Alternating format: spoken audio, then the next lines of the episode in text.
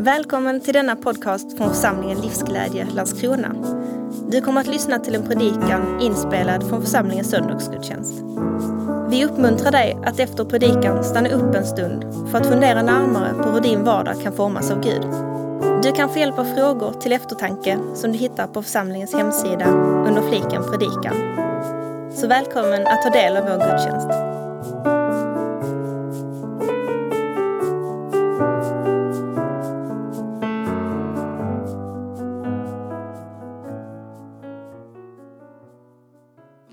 Person visar eller vill den framstå som äkta?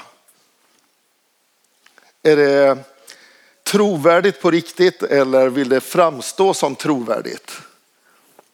Ja, tänker att den senaste tiden så blir det så tydligt. Det fanns en, eller finns en författare som heter Magnus Malm som skrev en eh, bok om ledarskap och efterföljelse för många år sedan.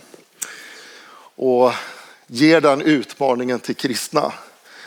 Kristna ledare att inte bara vilja framstå som äkta utan vara det. Inte bara framstå som trovärdiga utan vara det på riktigt. Och prata just om den här kopplingen mellan det vi visar och det vi verkligen är bärare av.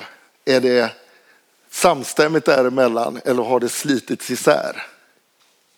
Så ytan blir någonting som vi målar på, putsar på medan eh, det inre står för någonting annat.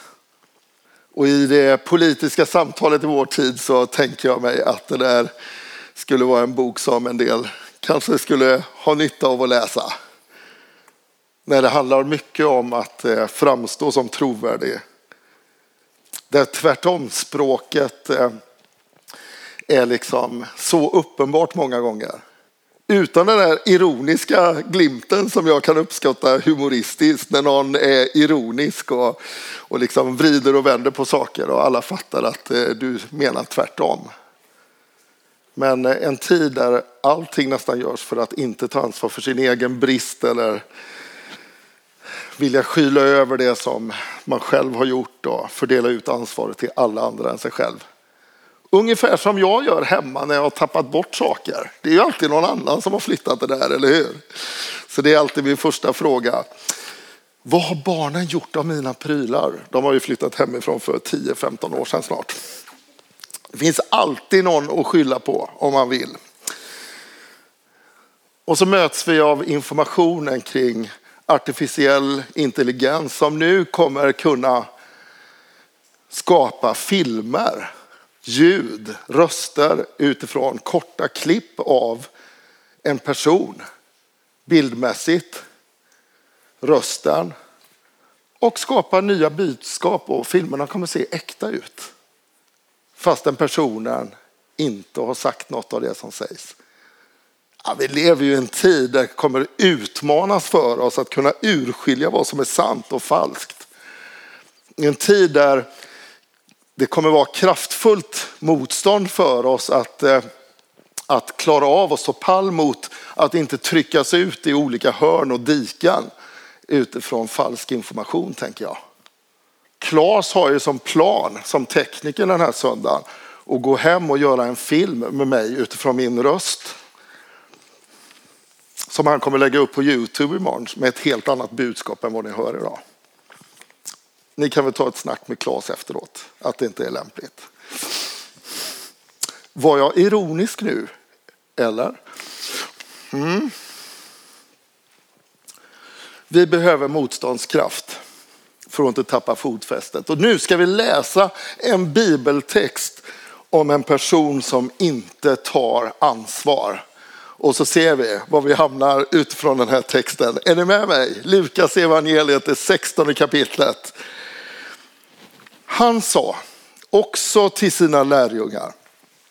Det var en rik man som hade en förvaltare och denne beskylldes för att förskingra hans förmögenhet. Mannen kallade till sig honom och sa, vad är det jag hör om dig? Lämna in dina räkenskaper, du kan inte vara kvar som förvaltare. Förvaltaren tänkte, vad ska jag göra nu när min herre avskedar mig? Gräva orkar jag inte och tigga skäms jag för. Och jag vet, jag ska göra så att folk tar emot mig i sina hus när jag mister min tjänst. Han skickade efter dem som var skuldsatta hos hans herre en i sänder och frågade den första hur mycket han var skyldig. Hundra krus olja svarade mannen. Då sa han, här är ditt skuldbrev, sätt dig genast ner och skriv 50. Sedan frågade han näste man, och du, hur mycket är du skyldig? Hundra tunnor vete. Då sa han, här är ditt skuldebrev, skriv 80. Och Herren berömde den ohederlige förvaltaren för att han hade handlat klokt. Denna världens människor beter sig klokare mot sina egna än ljusets människor gör. Ja, jag säger det. Använd den ohederlige mammon till att skaffa er vänner som tar emot er i evighetens hyddor när mammon lämnar er i sticket. Den som är trogen i smått är också trogen i stort och den som är ohederlig i smått är ohederlig också i stort. Om ni inte har varit trogna i fråga om den ohederliga mamman, vem vill då anförtro det som är av verkligt värde? Och om ni inte har varit trogna i fråga om andras egendom, vem vill då ge er det som ska tillhöra er? Ingen tjänare kan tjäna två herrar. Antingen kommer han att hata den ena och älska den andra eller hålla fast vid den ena och inte bry sig om den andra. Ni kan inte tjäna både Gud och mammon. Är det någon som reagerar? Förskingraren, den ohederlige som fullföljer och fortsätter på samma väg efter avslöjandet. Gräva orkar jag inte och tigga skäms jag för. Han tar noll ansvar för avslöjandet. Det leder honom inte till omvändelse, det leder honom inte till en bön om förlåtelse. Det är inte att han försöker ställa saker till rätta i förhållande till det som är hans herre, utan nu direkt så hittar han drivkraften att försöka agera på ett sådant sätt för att skapa tacksamhetsskuld hos de som är skyldiga hans herre pengar och varor. Så att han i sin tur kan utnyttja dem när han blir utslängd. Ja, jag vet vad jag ska göra för att folk ska ta emot mig i sina hus när jag mister min tjänst. Han har inga planer på att ställa någonting till rätta utan han vill bara hitta nästa person och utnyttja. Och chockartat säger Jesus att Gud tycker att den ohederlige förvaltaren har handlat klokt. Jag säger det, skaffa vänner som tar emot er i evighetens hyddor när mammon lämnar er i sticket. Och, äh, tycker ni att det är lämpligt? Är det så vi vill ha mellanmänskliga relationer? Ja, men fortsätt fuska. Det är bra. Så för att eh, inte de som lyssnar på Jesus då och för att inte vi som läser det idag ska tänka att det var Jesu poäng så får han ju göra ett litet tillägg efter liknelsen och säga att det är bra att vara trogen överenskommelser. Den som är trogen i smått är också trogen i stort och den som är ohederlig i smått är ohederlig i stort. Så att ingen ska gå därifrån och tänka att nu ska, är det okej. Okay. Öppen liksom dörr för att fuska. Syftet med liknelsen är någon annan. Den drar oss till en särskild plats som Jesus är ute efter. Han vill ställa fram en eh, spegel inför oss som läser det. I den här chocken där det kastas fram och tillbaka de här olika budskapen så vill han ställa fram en spegel som ställer frågan till dig och mig. Vem är det vi djupast sett lyssnar på och tillhör?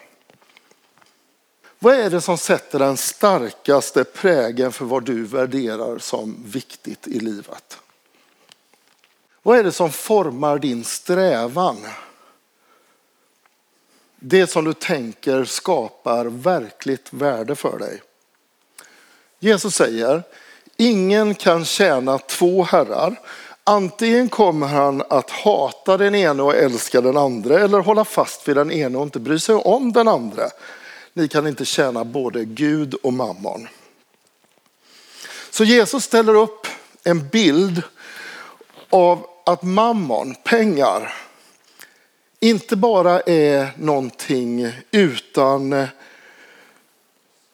betydelse utan det kan ha en sån makt med sig att det formar hela livet och blir som en kraft som präglar allt vi sträcker oss efter.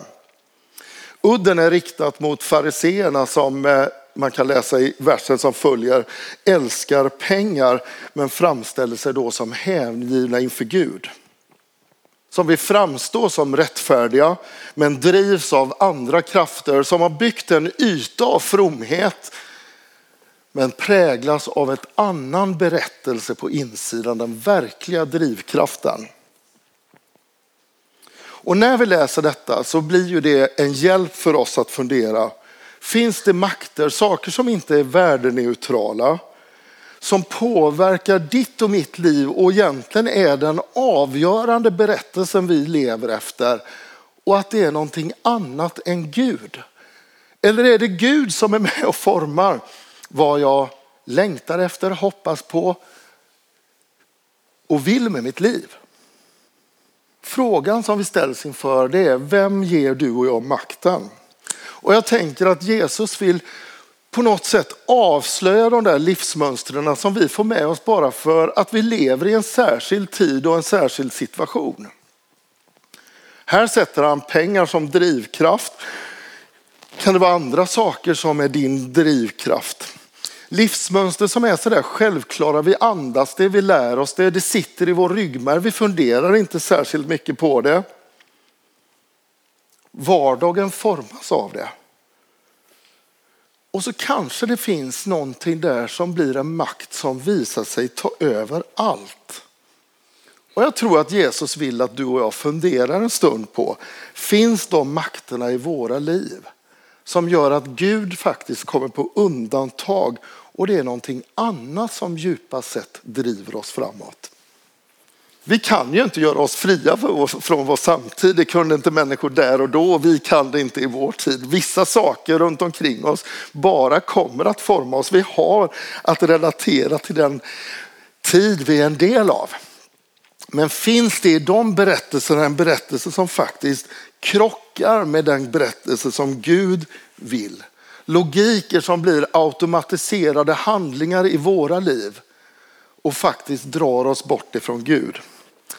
Och hur får man i så fall syn på sådana makter? Är det möjligt att få syn på det? Låt mig göra ett försök.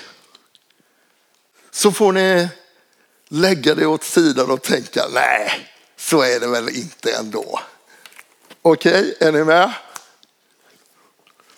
Effektivitet. Att få ut det mesta möjliga av livet.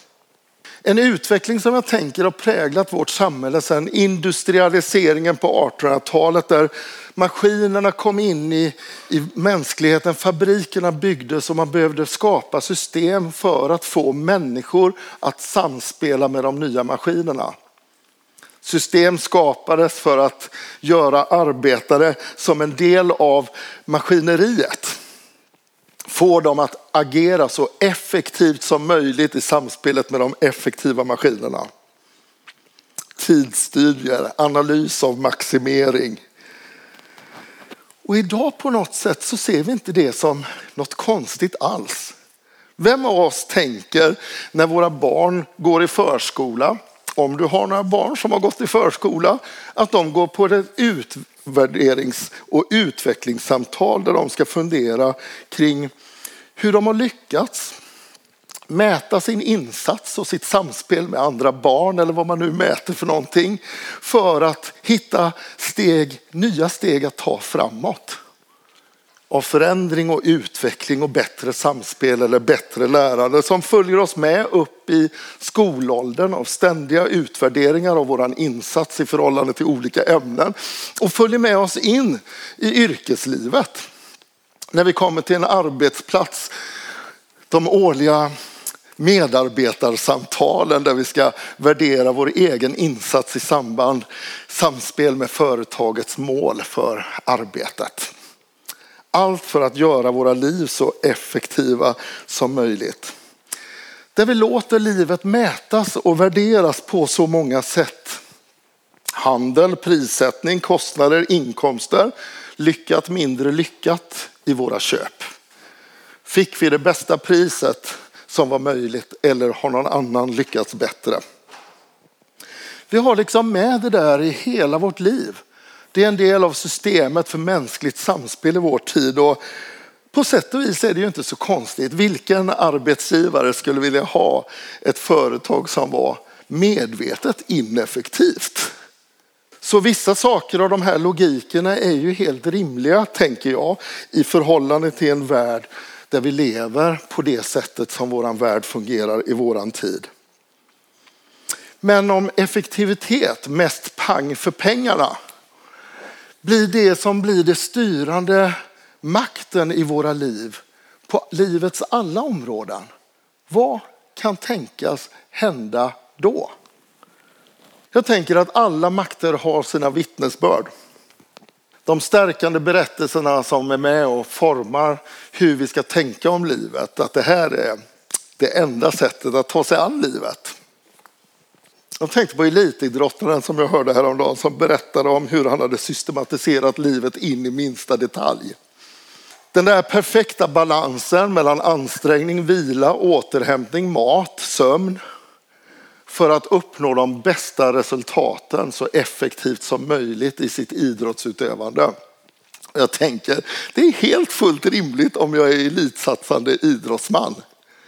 Men vad händer om jag flyttar över det sättet att tänka om livet på livets alla områden? Och det blir den vägledande berättelsen för hur du och jag tänker att vi ska sköta våran vardag. Så effektivt som möjligt, den perfekta balansen mellan sömn, ansträngning, arbete, vila, återhämtning, vänskap och systematisera livet och det mänskliga samspelet, samspelet på det sättet. Så även om de här sakerna har sin kanske självklara och givna plats i vårt sätt att höra berättelser och leva livet i vår tid. Vad gör det med oss på livets andra områden och i förhållande till Gud? Vad gör det med oss om allting bara är transaktioner, maximation av vinst, effektivitet. När vi alla blir leverantörer eller kunder, vad händer då?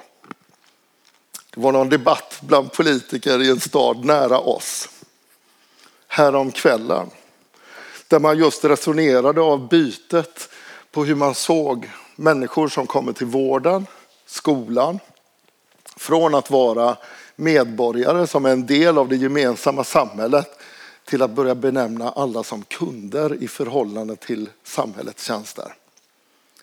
Gör det med något med oss? Det skiftet kan man fundera över. Så om jag flyttar över de här tankarna nu till Gud och församling och ditt liv och mitt liv. Vad gör det med oss om Gud blir leverantör och jag kund? Om jag utan att reflektera lär mig genom hela livet att tänka på mellanmänskligt samspel som leverantörer, kunder, transaktioner av resurser där jag vill få ut det mesta av det. Vad gör det i så fall när jag börjar närma mig Gud och säga jag vill ha med dig att göra? Finns det en risk att jag börjar se Gud som leverantören som ska leverera in i mitt liv vad jag längtar efter? Blir jag besviken på innehållet, transaktionen? Gud ger för lite in i mitt liv. Tycker jag att andra makter kanske är rimligare i den transaktionen och ger mig mer? Vad händer om jag kommer till Gud med utvärderingens blick? Ja, vad ger jag Jesus för betyg egentligen? Med vilken måttstock mäter jag det? Borde han gett mer? Av vad? Där Gud hela tiden blir någon som borde göra mer för mig. Eller effektivitet in i det här samspelet. Tron som livets elitsatsning. Där jag drivs och närs av bilden att jag alltid kan satsa mer, borde mer, tills jag inte kanske orkar någonting. Där tron blir en del av ett elitlopp. Istället för någonting som kommer in av Guds barmhärtighet i min vardag. Vad händer med min blick på församling? Om de här bilderna av makter blir det som präglar min blick på församlingslivet. Där blicken förflyttas från en gemenskap där Gud är närvarande, där vi låter Bibelns bilder av en kropp där varje del behövs och är viktig, infogad i ett samspel av både mottagande och givande som Bibeln beskriver det. Och så blir det en transaktion istället där jag är kund i förhållande till kyrkan som leverantör. Inte längre som en gemenskap som tillsammans bär livet, utan där det är andra som ska leverera in det jag längtar efter i mitt liv. Börja hjälpa mig att ställa nya frågor. Vad vill jag ha ut av det här? Men trons liv handlar inte om effektivitet. Trons liv handlar om en barmhärtig Gud som kommer närvarande in i våra liv och presenterar sin barmhärtighet, sitt livgivande och drar oss in i sin närvaro där liv av gudstjänst, av samtal, av vittnesbörd, av förbön, samtalen om runt fikabordet, där din berättelse om vem Gud är till en annan människa hjälper den och dig själv att öppna livet för en Gud som är närvarande och barmhärtig. Utvärderingens blick på församlingslivet. Där jag kanske tar ögonblicksbilder för min egen känsla, för andras insats och mäter ögonblicken och så tänker jag, hmm, duger detta? Istället för att det får vara den gemenskap där Jesus ger smak in i våra liv. Där jag söker hans närvaro och möter honom. Och vad händer med våra relationer överlag i vardagen? De du lever tillsammans med, om du är gift eller ogift, om du har dina olika vänskapsrelationer, dina relationer in i eh, arbete och vänskapskretsar och fritid. Vad händer om bilden av transaktion, leverans, effektivitet blir din blick på den andra? Ja, den kommer ju sluta vara en människa du står i samspel med. Det blir någon du vill ha ut någonting av. Det är som en sån där kraftfull krock mot det som till exempel sägs när människor överlåter sig till varandra i ett äktenskap där man uttrycker att man ska dela glädje och sorg med varandra. Att stå kvar troget till livets slut. Det är ju en annan berättelse än att bara stå kvar så länge det ger mig det jag vill ha. Där jag går in i relationer med förbehåll. Med finstilta texter. Vad får jag ut av detta? Och jag tänker med de här bilderna att vi hamnar och riskerar att hamna i en tid där vi alltid tänker att det Gud vill är någon annanstans. Med de berättelserna som de starkaste bilderna, då är Gud alltid runt hörnet i mitt eget liv. Gud behöver göra någonting mer och det är inte här och nu i det som händer framför mina ögon, utan det är runt hörnet någon annanstans. Och när jag kommer runt det hörnet eventuellt någon gång så är det alltid runt nästa hörn. I gemenskap, i relationer, i församlingsliv, i mötet med Gud. Aldrig här och nu närvarande utan alltid någon annanstans. Så det är det jag tänker Jesus djupa sätt sätter upp som spegel och som vi har med oss nu in i nattvardsstunden alldeles strax. Du och jag ställs inför att avslöja makters påverkan i våra egna liv och bestämma oss för om vi vill ge rum för Gud. När Jesus säger ingen tjänare kan tjäna två herrar. Antingen kommer han att hata den ene och älska den andra eller att hålla fast vid den ene och inte bry sig om den andra. Ni kan inte tjäna både Gud och mammon. Så vill han hjälpa oss till att börja öppna oss för att hans närvaro kommer göra skillnad i våra liv. Vi kan göra valet att ge Gud platsen, att han ska ta platsen som blir den jag tyr mig till och överlåter mig till och som gör att jag börjar släppa taget om en del andra saker, låta hans berättelse vara den som blir den avgörande vägvisaren för min vardag. Och hans berättelse är ju att Gud möter oss med barmhärtighet Om vi byter ut och sätter in orden Gud och mammon i just den här versen så skulle man kunna läsa den exakt så här. Ingen tjänare kan tjäna två herrar. Antingen kommer han att hata Gud och älska mammon eller hålla fast vid Gud och inte bry sig om mammon. Ni kan inte tjäna både Gud och mammon. Hålla fast vid Gud och inte bry sig om. Och det är just den vägen jag tänker Gud erbjuder oss genom Jesus Kristus. Att börja mötas av Guds barmhärtighet, förstå att den handlar om våra liv. Att hans närvaro vill förändra allt för oss. Och när vi håller fast vid honom så kommer andra makter klinga av. Deras inflytande kommer komma i rätt perspektiv. Vi kommer kunna handla. Vi kommer kunna gå till vården och bli betraktade som kunder och överleva det. Men det kommer inte prägla hela vår blick på hur vi tänker oss att livet ska levas. Att det är pågående transaktioner hela tiden där jag hamnar i centrum. För det är vad Jesus säger tänker jag med de här orden. Vi kanske tror att makterna är neutrala. Att de inte har någon särskild betydelse. Och att vi har kontroll över dem. Men Jesus säger att de är inte värdeneutrala utan de kommer visa sig ta kontrollen över våra liv. Och jag vet inte om du har hängt med med mitt resonemang den här morgonen. Men om du funderar lite mer på det här. Kan det vara så att det finns makter som bara per automatik påverkar din blick på relationer, på församling, på Gud? Som faktiskt präglar och påverkar mer än vad det är tänkt att göra. Jesus möter dig inte med en ständig utvärderingsmall. Och du behöver inte möta honom på det sättet. Han möter dig med gränslös barmhärtighet. Och jag vet att vi kan ha tuffa matcher i våra relationer, våra äktenskap, våra vänskapsrelationer, på våra arbetsplatser, i mötet med svåra situationer. Jag vet det, att det är så. Och det jag säger idag säger inte att livet alltid kommer bara glida fram utan att vi stöter på de bekymren för att vi är med Jesus.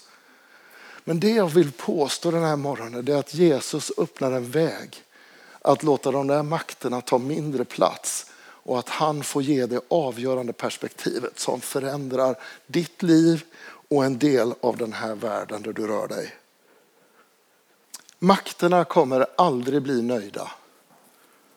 De kommer alltid vilja ha lite mer av dig. Lever du för pengar så kommer det alltid behövas mer. Lever du för ökad effektivitet så kommer det alltid finnas något mer du borde göra. Lever du för att utseendet är det som ska bära dig in i evigheten så kommer det alltid finnas mer att göra av det. Jesus bjuder in dig och mig i sin barmhärtighet och möta det här livet som utmanar oss. Kom till mig, alla ni som är tyngda av bördor. Jag ska skänka er vila. Ta på er mitt ok och lär av mig, säger Jesus. Som har ett milt och ödmjukt hjärta så ska ni vi finna vila för er själ. Mitt ok är skonsamt och min börda är lätt. Jesus kommer ge dig motståndskraft. Nu ska vi lovsjunga en stund och låt det här landa in där du är alldeles strax när vi går in i nattvarden blir det utrymme att be en bön av överlåtelse där du får lägga ditt liv i Guds händer. Och är du medveten om att här finns det någonting du har fått syn på som du vill överlåta där du vill säga Gud, jag vill älska dig och hålla fast vid dig.